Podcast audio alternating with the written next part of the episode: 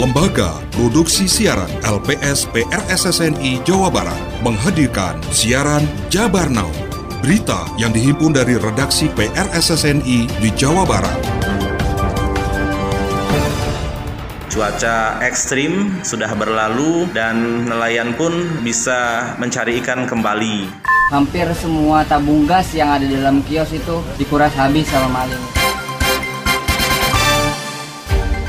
Jabar Now hari ini menyajikan sejumlah informasi di antaranya. Sidak pasar tradisional, harga kepok mas kota Banjar masih relatif stabil kecuali beras ada kenaikan.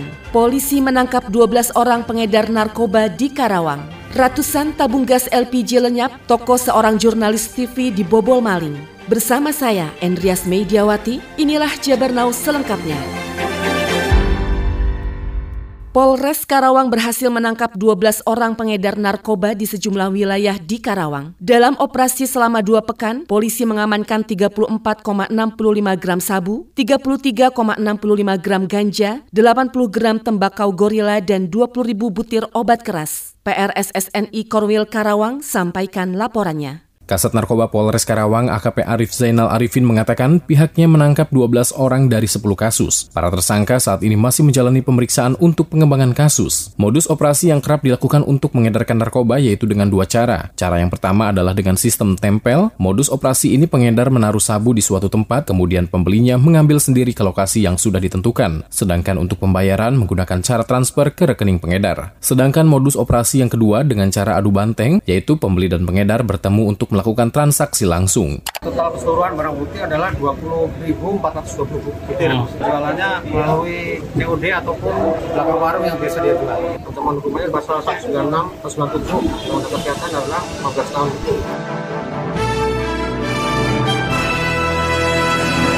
Masih informasi terkait, PRSSNI Korwil Bogor melaporkan petugas gabungan dari Polres, Kodim 0621, Polisi Militer, serta Satpol PP patroli ke sejumlah titik rawan di Kabupaten Bogor. Petugas mengamankan beberapa pil tramadol serta miras dari pengendara motor yang sedang nongkrong. Petugas menyisir ke Jalan Karadenan, Jalan Situ Cikaret, Jalan Jakarta Bogor, Tugu Pancakarsa, dan Jalan Pakansari. Giat patroli di Jalan Pakansari, petugas mendapatkan plat nomor modifikasi yang tidak sesuai dengan surat kendaraan. Petugas juga mendapatkan beberapa butir pil tramadol serta miras dari pengendara motor yang sedang menongkrong. Kapolres Bogor AKBP Iman Imanuddin mengatakan kegiatan patroli gabungan untuk mencegah terjadinya gangguan kaptimbas di wilayah hukumnya. Giat patroli yang rutin dilaksanakan setiap harinya itu dengan tujuan untuk memberikan rasa aman dan nyaman kepada masyarakat. Patroli malam yang dilakukan oleh jajaran Polres Bogor setiap hari pada tempat-tempat atau pada titik-titik yang kami hitung sebagai tempat yang berpotensi terjadinya gangguan kamtipmas. Dengan adanya giat patroli gabungan tersebut diharapkan selain memberikan rasa aman kepada masyarakat, juga bisa mencegah tindak kriminal dan tawuran malam di wilayah Kabupaten Bogor. Pemkot bersama Satgas Pangan Kota Banjar melakukan sidak harga pasar guna pengecekan harga-harga barang kebutuhan pokok masyarakat ke Pokmas akhir Januari 2023. Selengkapnya bersama PR SSNI Korwil Priangan. Inspeksi mendadak atau sidak ke pasar tradisional Kota Banjar menyasar pedagang kepokmas, kebutuhan pokok masyarakat seperti pedagang daging ayam, daging sapi, beras, dan sayuran. Dari hasil sidak diketahui harga relatif masih stabil di tengah inflasi di Jawa Barat 6,05 persen, sedangkan nasional sendiri 5,5 persen. Wali Kota ADUU Sukaisi menyatakan sidak pasar untuk memantau, memonitoring, dan mengevaluasi harga menjelang lebaran jangan sampai terjadi inflasi yang signifikan. Diketahui harga beras di pasar sudah Rp11.000 naik dibandingkan beberapa pekan ke belakang yaitu Rp9.500 per kilogramnya. Beras aja, sebulan kemarin kita masih bisa beli 9.500, sekarang 11.000 ya. Mudah-mudahan stok dari pertanian masih ada waktu 5-6 bulan, insya Allah aman. Disambung nanti dengan panen lagi ya. Sementara Kokom, seorang pedagang daging ayam di Pasar Banjar mengatakan hampir sebulanan harga daging ayam kisaran Rp30.000 per kilogramnya. Ia memprediksi jelang puasa akan ada kenaikan. Biasanya 35, mm-hmm. sekarang 30. Udah berapa lama ini turun daging? Ya ada sebulanan lah. Menjelang puasa sendiri ini ada kemungkinan pasti naik? naik, naik. Kalau menjelang puasa pasti naik. Tahun kemarin sampai 40.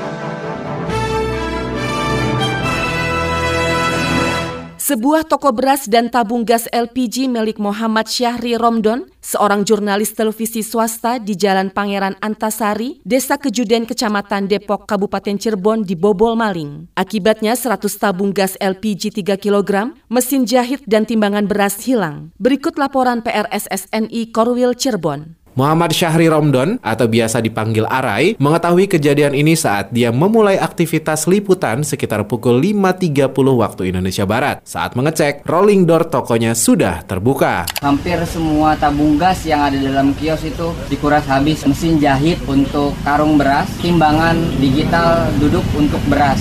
Menurut Kapolsek Depok, AKP Avandi, saat ini petugas masih melakukan penyelidikan terkait peristiwa tersebut. Rolling door-nya dijebol. Hasil TKP ada beberapa barang yang diambil. Hingga saat ini, petugas kepolisian masih melakukan penyelidikan untuk mengidentifikasi pelaku. Sementara itu, akibat dari peristiwa tersebut kerugian mencapai puluhan juta rupiah.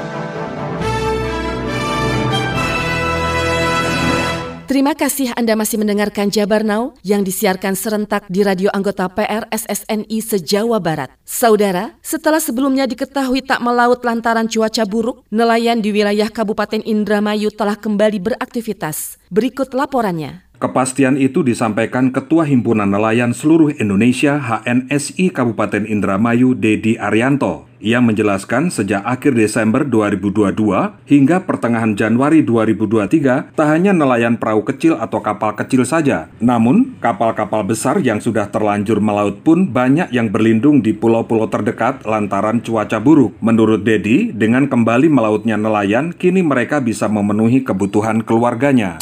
Alhamdulillah nelayan sudah bisa melaut kembali. Cuaca ekstrim sudah berlalu, nelayan pun bisa mencari ikan kembali. Nelayan sudah bisa menangkap ikan dan bisa menjual kepada pelelangan-pelelangan ikan yang ada di Kabupaten Indramayu dan sudah mendapatkan hasil yang lumayan.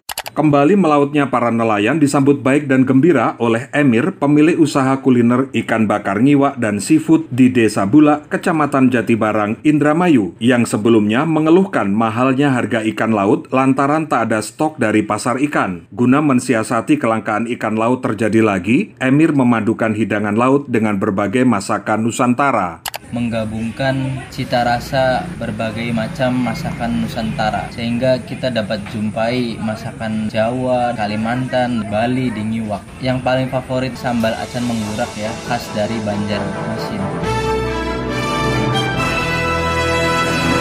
Sepuluh pelajar diamankan polisi saat akan melakukan penyerangan terhadap pelajar lainnya di Soreang, Kabupaten Bandung. Selengkapnya bersama PRSSNI Korwil Bandung. Kapolresta Bandung Komisaris Besar Polisi Kusworo Wibowo mengatakan, dari tangan para pelajar pihaknya berhasil mengamankan sejumlah barang bukti yang hendak digunakan untuk tawuran.